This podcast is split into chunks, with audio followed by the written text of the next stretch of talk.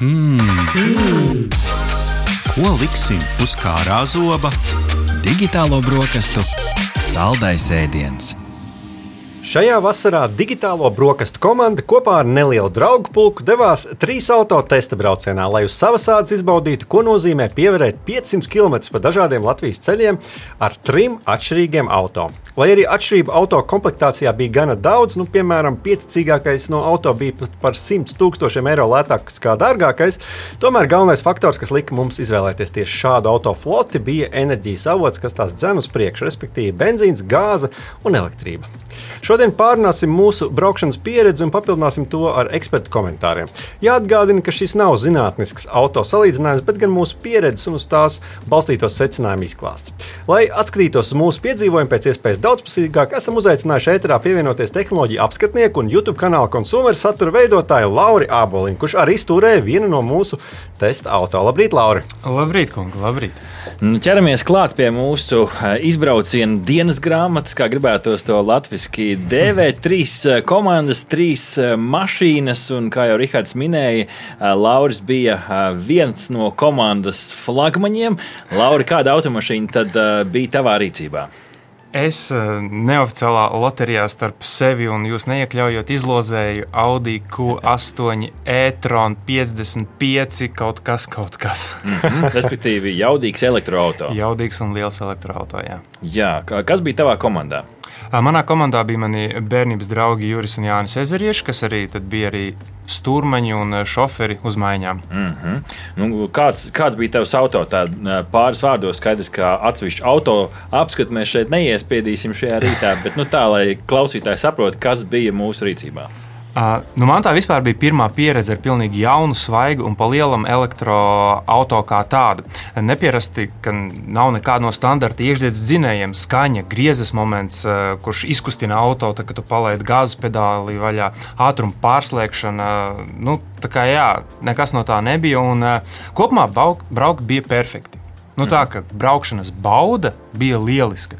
Un, uh, katrs kilometrs tika izbaudīts gan pa asfaltu, gan pa granti, bedrēm, visu pārējo. Un, uh, jā, bija neierasti tie digitālie spoguļi, bija neierasti ierobežojumi tajā kā viņi sauc, multimediju konsolē, ja, mm -hmm. kurā tu kaut ko vari un nevari darīt atkarībā no tā, vai tu esi kustībā vai tu apstājies. Nu, visnotaļ bija interesanti no tehnoloģiskā puz, uh, skatu punkta, bet no braukšanas perfekti. Mm -hmm. nu, komanda numur divi uh, bija gan es, gan uh, mūsu Lāzerbandas uh, biedrs Edgars Brūvels. Sveicams arī, arī Edgaram, uh, kurš bija kopā ar mani šajā garajā izbraucienā. Mums bija dīzeļa, uh, dīzeļa uh, auto, Audi Q5 kas nu, tā īsā, īsā raksturojumā tāds premium klases kompaktais SUV ar dīzelīti, protams, automātisku ātrumu kārbu, labi nopakots, protams, kā jau šāds demo auto. Nu, lai gan no tām tehnoloģijām, nu, es nezinu, ko varētu izcelt, ja pat vispār tas ir izceļams, ir tālo gaismu palīgs, kur tu vari ieslēgt tālās gaismas un praktiski aizmirst, jo pa sektoriem tās izslēdzās un ieslēdzās. Dinamiski un labi kontrolējama braukšana, patiešām arī varēja šo braucienu izbaudīt. Labi strādājoša kruīza kontrole, kas pat uzņem un, un, un, un iebremzē īstajā brīdī. Protams, Audi minimalistiskais stils. Um, nu, varējām izbaudīt arī pilnpiedziņu uh, uz atsevišķiem uh, ceļa, uh, ceļa gabaliem. Uh, nu, kopumā, gan, ja mēs paskatāmies tā kritiski uz šo auto, summa par viņu ir patiešām iespaidīga. Un pat beigās pēc brauciena bija tāds sajūta, jā, patīkams auto, bet vai šādu summu es maksātu? Nu, pat nezinu. Uh, iespējams, ir vērts paskatīties uz uh, kādiem konkurentiem, plus mīnus šajā cenu kategorijā, ko mēs nedrīkstam saukt, bet nu, no konkurentiem, kas varētu būt BMW X3 X4, kaut kas uz to pusi, Volvo XC60. Nu, es nezinu, ja gribās kaut ko eksotiskāku, kas no Alfām ir Alfa Romeo Stelvio. Iespējams, nu, varbūt. Nu, jau nav tajā cenā, kā tas jaunais uh, Ferrari. Uh, tajā cipsā tas noteikti nebija. Nu, Jā, lūk. nu, atgriežoties pie pieticīgākiem. Auto... Piedod, Rihard, es to arī braucu. Jā, attiecīgi komandā bija divi Rihardi. Komanda Rihards. Jā, tieši tā komanda Rihards. Un mēs turējām um, nu, šajā kompānijā vispieticīgāko no mašīnām cenas ziņā - Dacia Jogger. Ekstrēmā versija. Jā, ekstrēmā versija, bet komandas pirmais secinājums bija, ka tā ir gan laba cenas un vērtības piedāvājuma attiecība. Mašīna apmierina visas braucēju pamatvaidzības, bet neko arī daudz vairāk. Tas gan jāpiezīmē. Auto piedāvā septiņas sēdvietas, klimata kontroli, atpakaļ skatu kameru, apsildāmas sēdekļus, kruīzu, Keyless Go sistēmu, Apple CarPlay un Android auto, kā arī gāzes un benzīna kombinācija, kas ļauj nobraukt vienā piegājienā ap 1000 km. Nu, daudz no tām lietām noteikti pārējās mašīnās bija ļoti pašsaprotama lieta, nu, varbūt izņemot to gāzi, bet nu, šeit gribās to izcelt. Man šķiet, ka tu aizmirsti vienu ārkārtīgi svarīgu lietu savai automašīnai, kas ir visu mūzikas festivālu kronis. Gulta aizmugurē. Gulta aizmugurē. Arī tas pat šajā mašīnā. Atsevišķā komplektācijā uh, arī Jā. ir. Protams. Jā, nu, zirgspēka un uzrāviens gan nav salīdzināms ar abiem konkurentiem šim autiņam, bet uh, nu, auto galā mums nogādājumi. Protams, varētu vēlēties ērtākus sēdekļus un par kripatu mazāk troksni salonā, bet iespējams tas ir pat uh, par daudz prasīt šādas cenas auto. Nu, katrā ziņā septiņvietīga auto, manuprāt, uh, konkurentu šajā cenu kategorijā būs vieglāk atrast tieši lietotu autotirgu. Vismaz uh, man grūti iedomāties kādu līdzvērtīgu jaunu auto ar septiņām vietām šādā cenu kategorijā. Nu, mašīna cenšas izskatīties dārgāk nekā tā ir, bet pēc garāka testa brauciena saprot, ka tomēr brauc ar solīdu, bet tomēr budžeta klases auto, par kuru nebūtu ko kaunēties. Mm -hmm. Mēs mēģinājām tādus simboliskus noteikumus uzlikt, gan zinātnisks eks eksperiments, kā Rihards arī minēja. Sākam no viena punkta, vienā laikā, ar pauzēm pa vidu, arī garāku pauzīt pa vidu. Mums bija arī kontrola punkti, pa kuriem Rihards arī nedaudz īsumā ieskicēs ar garāku pauzīt, jā, kā minēja pa vidu. Nu, un tad pārēj, pārējais jau pēc pēc, eh, pēc apstākļiem. Bet, eh, kur mēs braucām, Rihard? Jā, nu mēs visi sākām Rīgas centrā no Pulvertoņa. Eh, kopā iedzeram kafiju, vienojāmies par noteikumiem, pārunājām, kas kuram aktuāls un sākām jau diezgan agri no rīta. Pirmā pietura bija ārējuši Veidzirnavas, tātad braucām pa vidzemes šoseju, tālāk tikām līdz kodoļu attižu bāzē Zeltiņos, mm -hmm. kas bija tās interesants apskats objekts. Tālāk skatu tornis Tempļa kalnā alūksnē, tur arī neliels pusdienas alūksnē, un tad jau devām devāmies tālāk uh, Valkas virzienā. Pirmā pietura mums bija skatu tonis liegumā Korneta peļi. Um, nu, man liekas, ļoti skaista vieta, uh, arī specifiska vieta, tiešām skaisti skati. Uh, tālāk Zvārtavas pilsēta, tāda pērle kaut kur tādā pilnīgā nekurienē. Um, Valkas un Valgas robežu šķirtne. Apstājāmies pie robežas stūra, nobildējāmies. Ārā no Latvijas izbraukt nedrīkstēja. Jā, tieši tā. Un uh, visbeidzot sēda, un arī uh, Valmiera mūža salsdarītavā pie, piestājām, bet nu, ar alu gan mums nesanāca pacienāties, jo, kā saka, auto vadīšana ar alkoholu nav savienojama. Un visbeidzot pabeidzām visu daudzstāvu autostāvvietā pie Mūksels uh, apļa. Un, Jā, kopā rupi rēķinot, gan jau ka katram tas kilometrāžs atšķirās, bet nu, tā velkot kartē lineāli aptuveni 5 520 eh, km. Un eh, kādi bija mūsu maksimālie gabali, ko ar mūsu automašīnām varēja nobraukt? Attiecīgi, nu, tam eh, Q5 dīzelītam tā pa šosē ripojot, nu, tur virs, virs tūkstoša pat varēja, varēja savākt ar to bāku. Cik jums bija maksimālais iespējamais?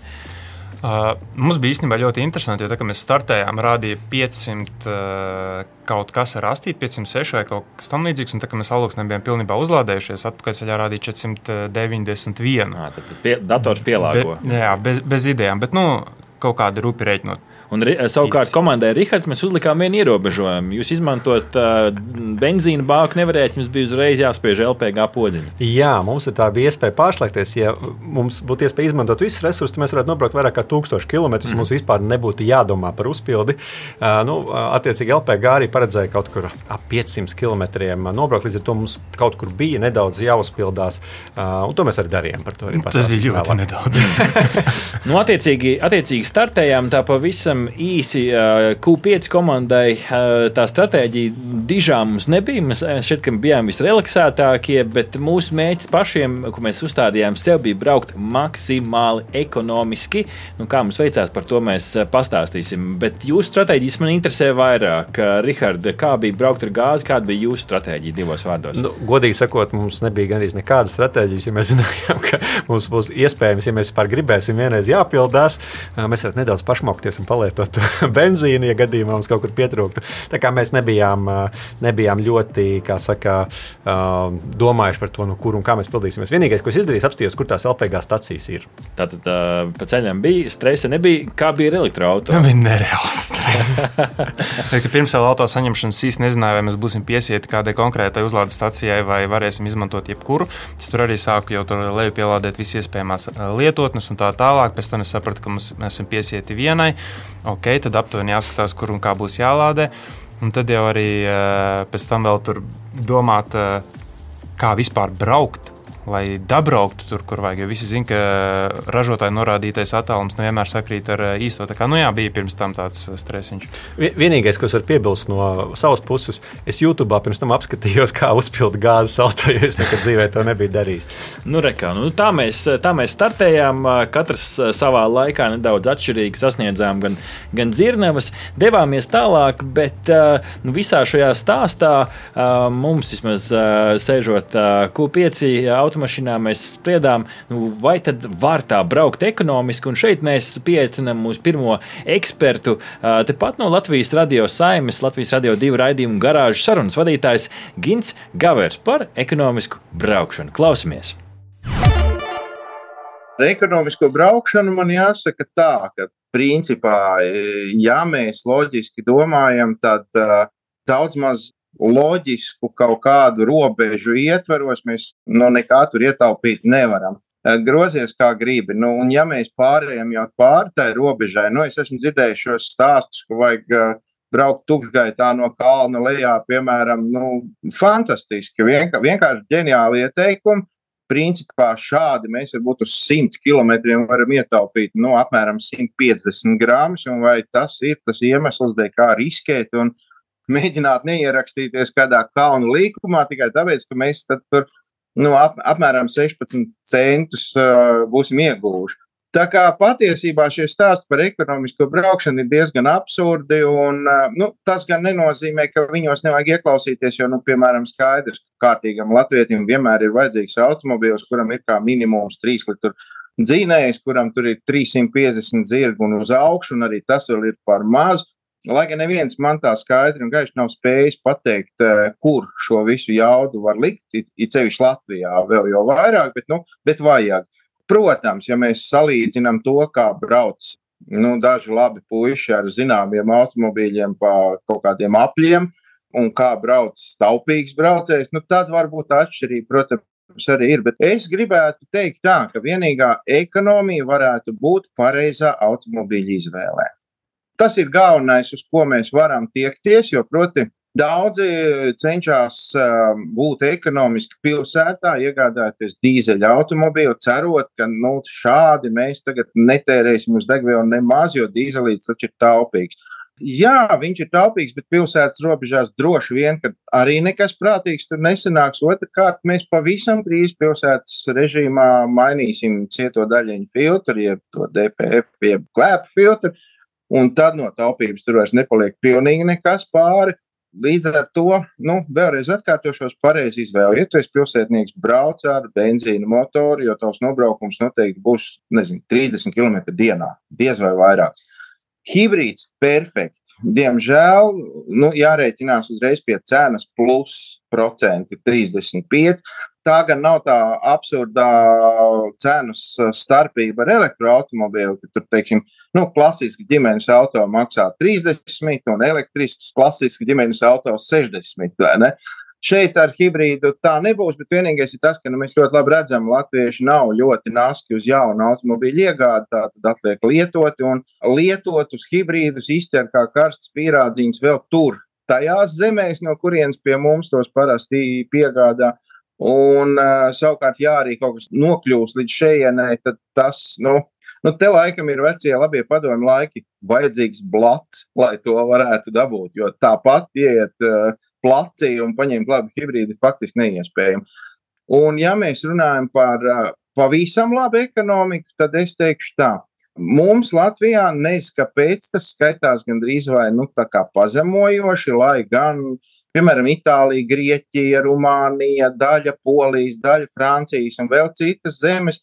Kā galveno degvielu ir izvēlējušies autogāzi. Un te mēs runājam par LPG, jeb to saucamo šķidrināto naftas gāzi. Patiešām tas ir ekonomiski grozies kā gribi. Nevelti vairāk autoražotāji, diemžēl viņi nav daudz, bet piedāvā jau rūpnīcā uzstādīt šīs iekārtas. Es šobrīd tieši braucu ar vienu testu automobīlu, kuram ir šī LPG rūpnīcā uzstādītā sistēma. Par 30 eiro es piepildīju pilnu to bāku, kas ir 45 litri. Man parādīja, ka es varu nobraukt 500 tik tur tos daudzos kilometrus. Tu vari grozīties kā gribi. Šādu rezultātu mēs neiegūsim ne ar ko. Vēl jau vairāk ņemot vērā to, ka es teicu, dīzelis ir kaprīs. Dīzelim ir vajadzīga vide, kurā viņš jūtās labi. Visos citos gadījumos tas ir diezgan šaubīgi. Ar uh, LPG mēs varam justies labi visur, un turklāt mēs viņu arī iegādāties varam visur, jo nu, tagad mūsdienās laikam reti, kur nav. Tā kā, ja mēs gribam būt taupīgi, super, gāze. Ja mēs gribam būt videi draudzīgi, atkal super, gāze, jo, nu, principā, uh, Nu, ja mēs varam vārīt uh, zupu mājās uz gāzes plīts un nenosmokam no kaut kādiem kaitīgiem izmešiem, nu, tad attiecīgi svaigā gaisā arī dzēn. Rihards sit plaukstas, jo eksperts atzinis uh, viņa braucamo par ekonomiskāko, kā, kā beig beigās būs. To mēs noskaidrosim secinājumos. Taču, uh, nu, skatoties uz šo pirmo uh, braucienu posmu līdz pusdienām, kas varbūt ir kādi piedzīvojumi, ko gribās izcelt? Dacīs sāk uzreiz ar tādu bliezienu, jo iekāpjot mašīnā, uzreiz bija paziņojums, ka viena riepa ir nolaidusi gaisu. Tā kā varējām pat taisno braukt. braukt Tad tāpēc servisu. jūs nebijāt? Uh, nu, ne, nav tik traki nav, bet, uh, kā saka, uzpildījām ātri. Viena riepa tiešām bija nedaudz nolaidusi gaisu, un, un varējām turpināt mierīgi braukt uz priekšu. Iebraucām arī pamēģināt, uh, kāda ir to gāzi uzpildīt. Nu, tas bija visam ātri, viena minūtīte. Vienīgais, ko es sapratu, ka tā poga jāspiež, tas tā nedaudz neērti. Un jātur vai ne? Nu, jā, tur visu laiku jā, nevar, nevar tā kā uh, benzīnu pildot, uzlikt tā teikt, to klapīti, lai, lai kā saka, var iet pastāvēt malā.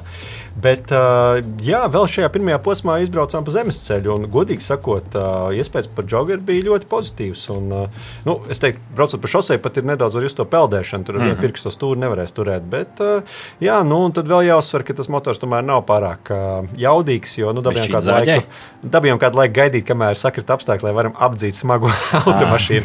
Jo tie līkumaini vidzemes pusceļa mašīnai ir maz uzrāvieni, nav tie paši parocīgākie apdzīšanai. Nu, Laura, tev savukārt apdzīt laikam nebija problēma, vai ne? Žiprīgi.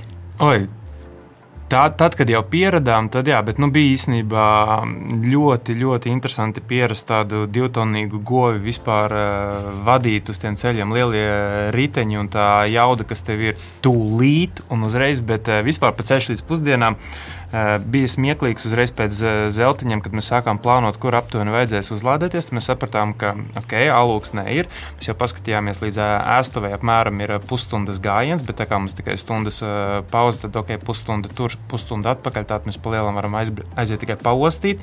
Tad bija jāzvana, jāsauc papildspēku. Paldies Q5 komandai, kur mūs cēlīja atšuva uzreiz. Vienkārši ah, bukstiņi. Pir pirmajā ziņā tā bija zvans draugam Džogerim. Pieticīgā Riharda komanda. Pieticīgā Riharda komanda ir septiņām sēdvietām un gultu, lai nāk un, eh, un eh, kā saka, glābi. Un eh, pēc tam savukārt mēs ēdām kaut kādu stundu ar kaut mm -hmm. ko laikam, un mūs atgrieza atpakaļ. Un no 44% līdz mēs gribējām 100 uzlādēt. Mm -hmm bija palikuši jau 95, un mēs vēl tur tos pēdējos stāvējām un gaidījām kopā pusotru stundu. Oho, nu šeit laikam stunda. izpaužās lielākā sāpe elektroautorā. Nu, tā, jā. Īpaši grib pielādēt līdz galam. Jā, nu par to es tur vēl tālāk pastāstīšu, mm. bet jā, nu tā kā bija forši braukt, bet tad, kad tev, kā saka, ir jāatrod uh, piedurknes un uh, jāsāk. Nu, es, es, es, es negribu būt uh, sāli brūcē, bet nu, mēs tā tīri simboliski sākām ar pustukšu bāku, lai mums vispār kaut kur būtu jāpiestāj. Citādāk mēs tur pat nebūtu laikam nekur stājušies. Mēs piestājām nu, standarta, standarta pieredze. Līdz ar to es uh, sīkāk nekomentēšu, bet iespējams, ka šeit ir vērts uh, vērsties Rihard pie mūsu uh, otrā eksperta komentāra. Jā, tieši tā. Un, kā jau Lauris teica, elektroautorāta paģēra nedaudz citu veidu, kā plānojam tālākus braucienus, un to, lielā mērā ietekmē uzlādes staciju pieejamību. Nu, kāda ir situācija Latvijā? Ar šo jautājumu Elektrum Baltijas elektrotransporta uzlādes direktoram Ansim Valdovskim. Ja mēs skatāmies uz uzlādes tīkla attīstības iespējām Latvijā nākotnē, tad jāsaka tā, ka situācija kopumā ir salīdzinoši laba. Mēs redzam, to, ka Latvija uz Baltijas fona attīstās visstraujāk. Šeit ir visvairāk komersanti, kas vēlās izbūvēt uzlādes stacijas. Un arī, ja mēs eh, pavērtojam eh, statistiski, tad arī jau šodien mums ir visvairāk uzlādes staciju uz elektroautorāta skaitu. Mums ir 2,3 eh, uzlādes punktu uz katriem desmit elektroautoriem. Nu, salīdzinājumam, Igaunijā ir tikai 0,57 un Lietuvā 0,93. Tātad jau šodien Latvijā ir vislabākais pārklājums tieši no uzlādes pieslēgu vietu skatu punkta. Un arī komersantu skaits. Mums ir, es pat teiktu, tuvu desmit komersantiem, kas vai nu jau būvē savas uzlādes tīklus, vai arī plāno to darīt tuvākā vai tālākā nākotnē. Tā kā kopumā potenciālais tīkls, es domāju, ka Latvijā būs ļoti, ļoti labs. Pārklājums ar stācijām būs blīvs. Un visticamāk, kas ir labā ziņa, elektroautomašīnu jau esošajiem lietotājiem vai tiem, kas tikai plāno iegādāties elektroautomašīnu, šis pārklājums būs lielāks nekā faktiski būs mašīnu skaits. Un to mēs jau šodien varam prognozēt.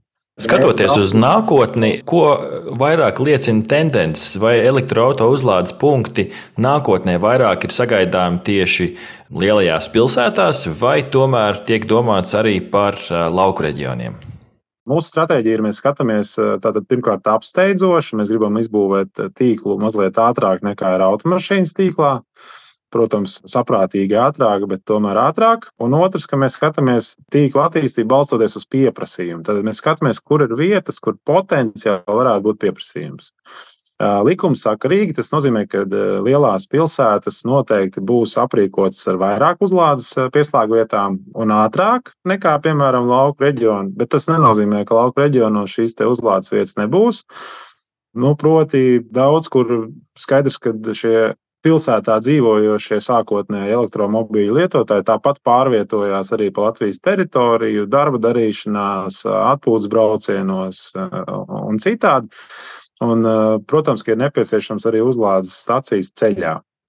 Un tas nozīmē, ka arī mazākās pilsētās un lauku reģionos pilsētu vai ciemata centros noteikti parādīsies arī gan elektromobīļu uzlādes stācijas, gan iespējams arī kādu citu komersantu stācijas. Tas ir viens. Otrs būtisks aspekts ir, ka nu, mēs kā elektromobīļu attīstām arī īpaši ātras uzlādes tīklu. Sadarbībā ar Eiropas Savienības finansējumu mēs esam piesaistījuši finansējumu un plānojam izbūvēt jau nākamā gada laikā un aiznākamā gada laikā 35 lielas jaudas uzlādes stācijas, kur būs vienā vietā četras pieslēgvietas. Katra no pieslēgvietām būs ar vismaz 150 kW uzlādes risinājumu. Protams, ka vēl ir arī citi komersanti, kas noteikti attīstās šajā virzienā, un, un šādas stacijas būs iespējams arī no citiem. Tas nozīmē, ka ik pa kādiem 50, 60 km uz visiem Latvijas ceļiem mēs redzēsim īpaši ātras uzlādes stacijas ar ļoti, ļoti lielu ātrumu. Tā kā pārklājums tuvāko divu gadu laikā pieaugs ļoti dramatiski. Īsts komentārs arī no Ceļu satiksmes drošības direkcijas pārstāvja Mārtiņa Malmestera par e-mobīļu tīkla attīstību kas attiecās uz e-mobīļu tīklu, kas ir izveidots ar 141 uzlādes staciju, ko šo projektu mēs noslēdzām 21. gada pašā izskaņā, kad atklājām pēdējās divas uzlādes stacijas. Līdz ar to CSDD tuvāko gadu laikā neplāno attīstīt uzlādes punktu skaitu. Skaidrs ziņa, ka tīkls attīstās un punkti būs ar vien vairāk, tomēr tas šo lādēšanas pieredzi nemaina. Skaidrs, ka tā ir specifiska un līdz ar to arī elektroautorāta uzlādes biežumu un ātrumu var ietekmēt dažādi faktori, par kuriem mums vairāk pastāstīs Kārlis Menziņš, eleporta vadītājs Latvijā un portāla uzlādēts redaktors. Ja runājam konkrēti par uzlādi, tad neko tur diži nevarēs ietaupīt, ja uzlādes cena ir par kilovatstundu. Vienīgais, ko var dažām mašīnām ir uzlikt, lai uzliek baterijas to priekšapsildi vai konzumēšanu, kā pareizāk būtu pateikt, jo dažreiz vajag arī dzēsēt. Un tad vienkārši, ja ir maksa par kilovatstundu, tad ir maksa par kilovatstundu. Bet, ja ir maksa par laiku, nu, tad tas ir svarīgi. Tad tu skaties, tev jāiepazīst savu mašīnu, kurā brīdī viņa varbūt vairs nespēja tik labi izmantot to potenciālo uzlādes jaudu. Tipiski pēc 80% sāk samazināties uzlādes jauda, bet jo svaigāka mašīna, jo tas kritums ir salīdzinoši mazsvarīgāks. Bet, ja runājam par to, kas ir labāk, veselīgāk pašai mašīnai, nu, būtībā ir pilnīgi vienalga, jo baterijai ir savi kontrols mehānismi, kur viņa regulē, nu, labi, nu, tagad vairs ne, neņemšu tik daudz, cik iepriekš ņēmu, man viss ir kārtībā, turpinām drusku lēnāk. to paši pat regulēja. Ja runājam tīri par efektivitātes viedokli, tad no uzlādes stācijas ir jāņem pēc iespējas vairāk. Tas, ka tu ņem no rozetes, tev zudumi būs lielāki pie skaitītāja nekā, ja tu aizbrauc pie ātrās uzlādes stācijas. Bet, ja mēs runājam tīri par braukšanu, tad galvenais faktors, kas ietekmē efektivitāti, lai tu varētu nobraukt tālāk, ir labās kājas smagums. Ja tu brauksi virs atļautā ātruma, skaidrs, tev būs lielāks patēriņš, gaisa pretestība lielāka un par katru kilometru, ko tu pieliec klāt ātrumam, divreiz lielāka gaisa pretestība kļūst. Tāpēc to ir jāņem vērā. Un uh, tad vēl ir klimata kontrole, Es personīgi lieku uz kaut kādiem maziem grādiem, nu, salīdzinoši maziem. Man patīk ap 20 grādiem turēt salonā, nevis 25. Un tas arī ir jāņem vērā, ka tas kā, ir īpaši ziemā, kad, ja ierzes dzinējam, viņam 80% enerģijas aiziet siltumā, un tad viņš to siltumu var iedot salonā, tad elektroautomotors ir pār pa 90% efektīvs. Attiecīgi viņš siltumam var atdot niecīgus kaut kādus 5%, un tad to būtībā klimata kontrole risina. Un tad, ja tev ir īsi pārbraucieni, tad visu laiku, ja ārā ir mīnus 10, salonā mīnus 10, un tu gribi, lai ir plus 20, nu, tad mašīnai ir jācīnās, tad dabūt tos 30 papildus grādus, un tad jau tu izkāp ārā, kad mašīna uzsilst, un atkal tas nav forši. Jā, būtu interesanti šādu auto izbraucienu uztaisīt ziemā, un laikam negribētos izlozēt elektroautorātu. Bet uh, mūsu ceļš uh, turpinājās, mūsu ceļš noteikti turpinājās. Tad līdz ar to tāds loģisks, uh, loģiski piespēle Lauri, kā gāja ar to smago kāju un elektroautorātu otrajā brauciena pusē. Uh, nu jā, no Alūksnes mēs izbraucām laikam kā pēdējie, bet no kornetiem peļiem, kamēr jūs izdomājāt vēl veldzēties, mēs izbaudījām uh, fantastisko klimata kontroli, ventilējamos sēdekļus, sēdekļu masāžu. Protams, uh, kaut kas, ko, kaut kas, ko Dacija nekad uh, nesagaidīja. Mums, mums bija aptuveni tā, ka Jā, tajā brīdī mēs sākām nopietni apsvērt, kādus mēs eh, resursus esam eh, visu ceļu tērējuši. Un, uh, nu, jāsaka, ka beigā, beigās jau tie tālie braucieni ar kruīzu kontroli un visām palīgu sistēmām bija ārkārtīgi noderīgi mums kopējā taupījuma misijā, jo tur bija tādas lietas, kā piemēram automašīnas apbremzējās pirms iebraukšanas pilsētā pati, pirms eh, krustojumiem pati, adaptīvā kruīza kontrole, kas pats par sevi ir eh, fantastisks eh, veikums. Līdz ar to nu, tur varēja jau tādā kruīza līmenī ļoti daudz nobraukt. Nu, vēl izbaudījām, protams, grantinieku, kas mums tur bija, cik viņš tur bija 40 km mm -hmm. vai kaut kas tamlīdzīgs. Nu, tur dinamiskā piekarīta. Uh! Es pieļauju, ka visi jūs palikāt aizmugurē un Dācija vēl tur vāca savu mugurkaulu kaut kur pa ceļam. Ja? Kā tas bija? ne, nu, šajā posmā tiešām bija garāks grāmatas seguma ceļš gar Igaunijas robežu, un pēc tam arī iespēja atvilkt elpu braucot pa gan taisno valku Rīgas šosei. Uh, pēc ilgāka brauciena mums nezūd pārliecība, ka mašīnai ir gan laba tā cenas un vērtības piedāvājuma attiecība. Tomēr sēdekļi nav gan ērti tālākiem braucieniem, īpaši šoferu pusē, bet nu, labi, ka ir klimata kontrole.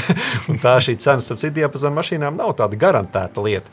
Um, nu jā, nedaudz smieklīgi izvērtās mūsu otrā gāzes uzpilde, jo nu, bez tās mēs varējām arī iztikt, bet uh, gribējām pamēģināt un nepiefiksējām, ka auto jau ir uzpildījies un brīnījāmies, kāpēc uzpildi notiek tik lēni. Nu, nu, tā ir, kad es pirmo reizi ar, ar, ar pīpu pa jumta.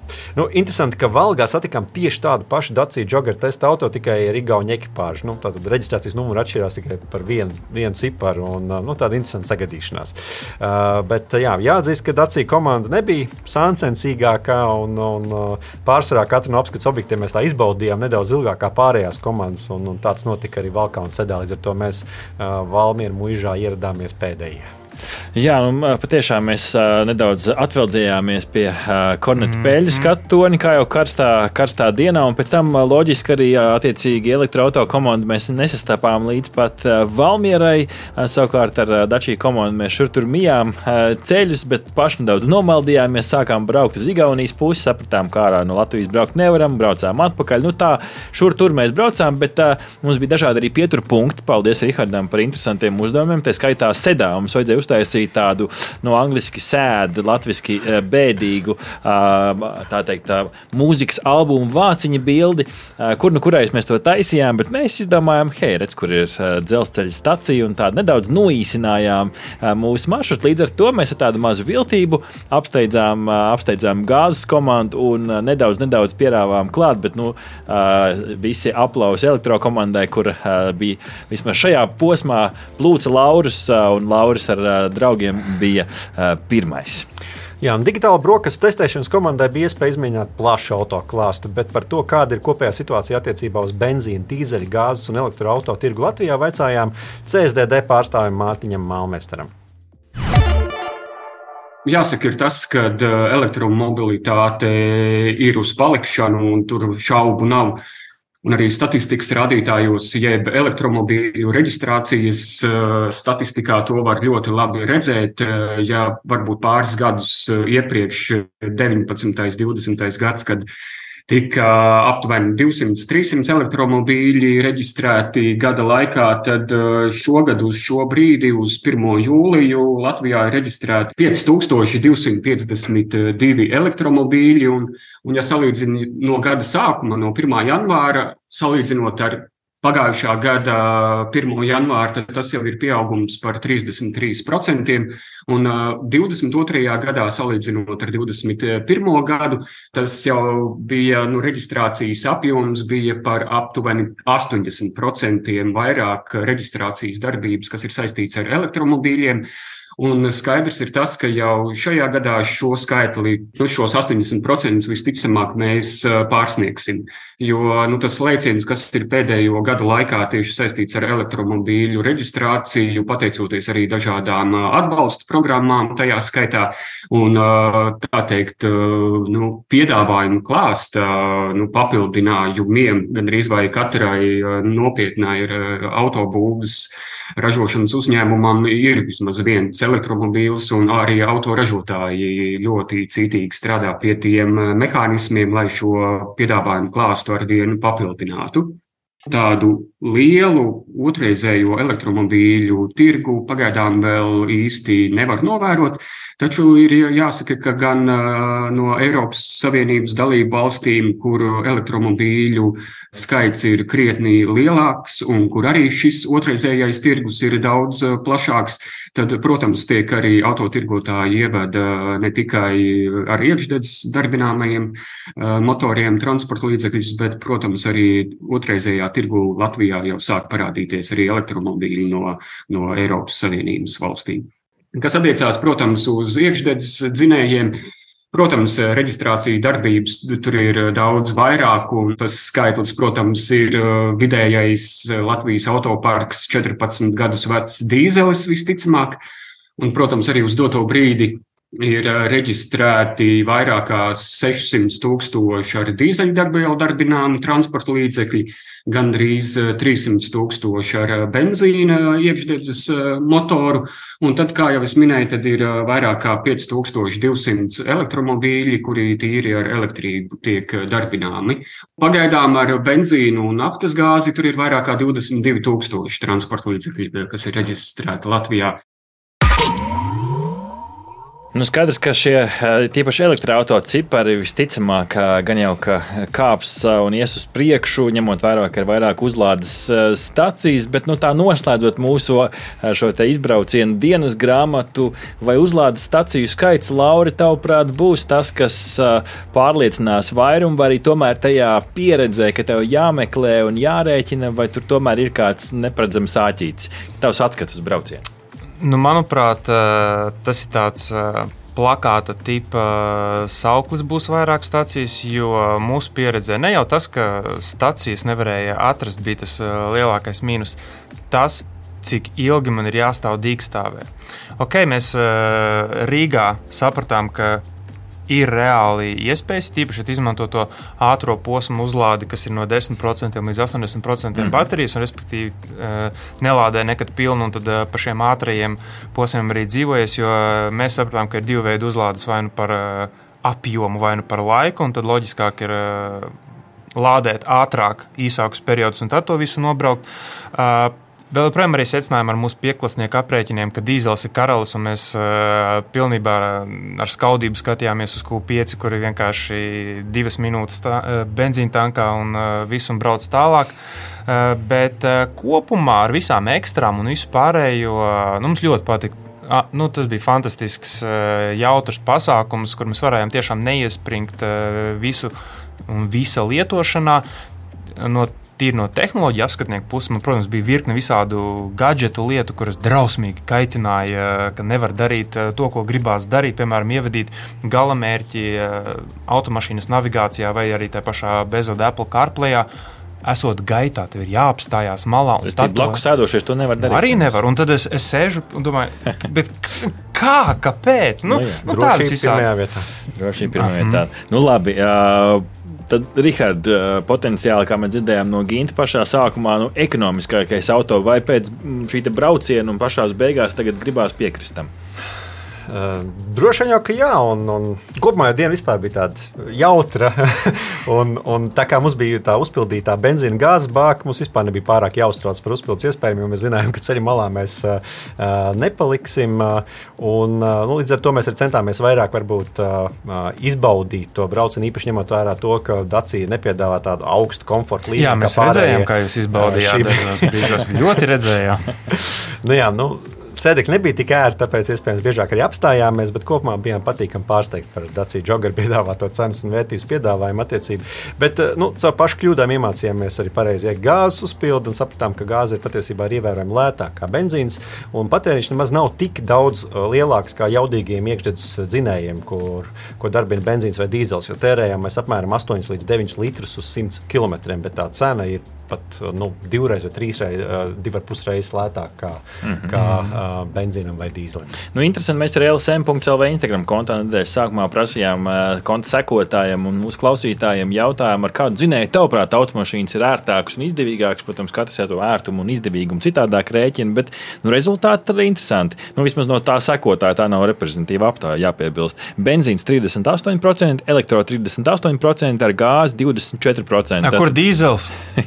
nu, mēs lik, likām zem tā benzīna apakšā to visu, kas nozīmē, ka varētu laikam piekrist tam, ko sākumā teica Gins, ka nedaudz to gāzi mēs eh, noliekam iespējams par tā teikt mazāk, mazāk patīkamu un vērtīgu. vērtīgu eh, man, man ir aizdomas, kāpēc. Tāpēc, ka viņi tiek likta mazāk eh, vērtīgās un patīkamās automašīnās. Nu, iespējams. arī, arī, arī tas ir iespējams, bet nu, beig, beigās no, no, no Q5 komandas skatu punkta nu, stresa nebija vispār. Skaidrs, ka pats ekonomiskākais variants ar dīzeli vai benzīnu tas noteikti nav labāk risinājums. Līdz ar to mans personīgais subjektīvais secinājums ir, ka ja benzīna cenas um, dramatiski nekāps un attiecīgi nu, viss saglabājās esošajos parametros, nu, tad tā izvēle nu, tur katram ļoti subjektīva, bet beig beigās laikam tas uzlādes ātrums un tas, ka gāze nav tik patīkama, nospēlē kaut kādu izvēli tajā, kādu automašīnu mēs izvēlamies. Bet, protams, mēs aicinām, domājot par automašīnām, izvēlēties zaļu, videi draudzīgu automašīnu, un jo mazāk mēs kaitēsim dabai, jo beig beigās jau būs tā nākotne skaistāka, vai ne? Jā, saka, trīs džeki arī iekšzemes zinēja mašīnā. nu, tāda ir tagadne. Raugāmies uz skaisto nākotni. Jā. Teiksim paldies šajā rītā Laurim gan par pievienošanos izbraucienā, gan arī par šo atskatu. Un ceru, ka katrs guva kādu vērtīgu secinājumu par to. Aha! Paldies, ka noklausījāties mūsu līdz galam! Ja patika, uzspiediet laiku, atstājiet komentāru vai padalieties ar draugiem. Un nobaudiet arī citas epizodes, kā arī sekot mums, lai nepalaistu garām savu ikdienas tehnoloģiju ziņu devumu.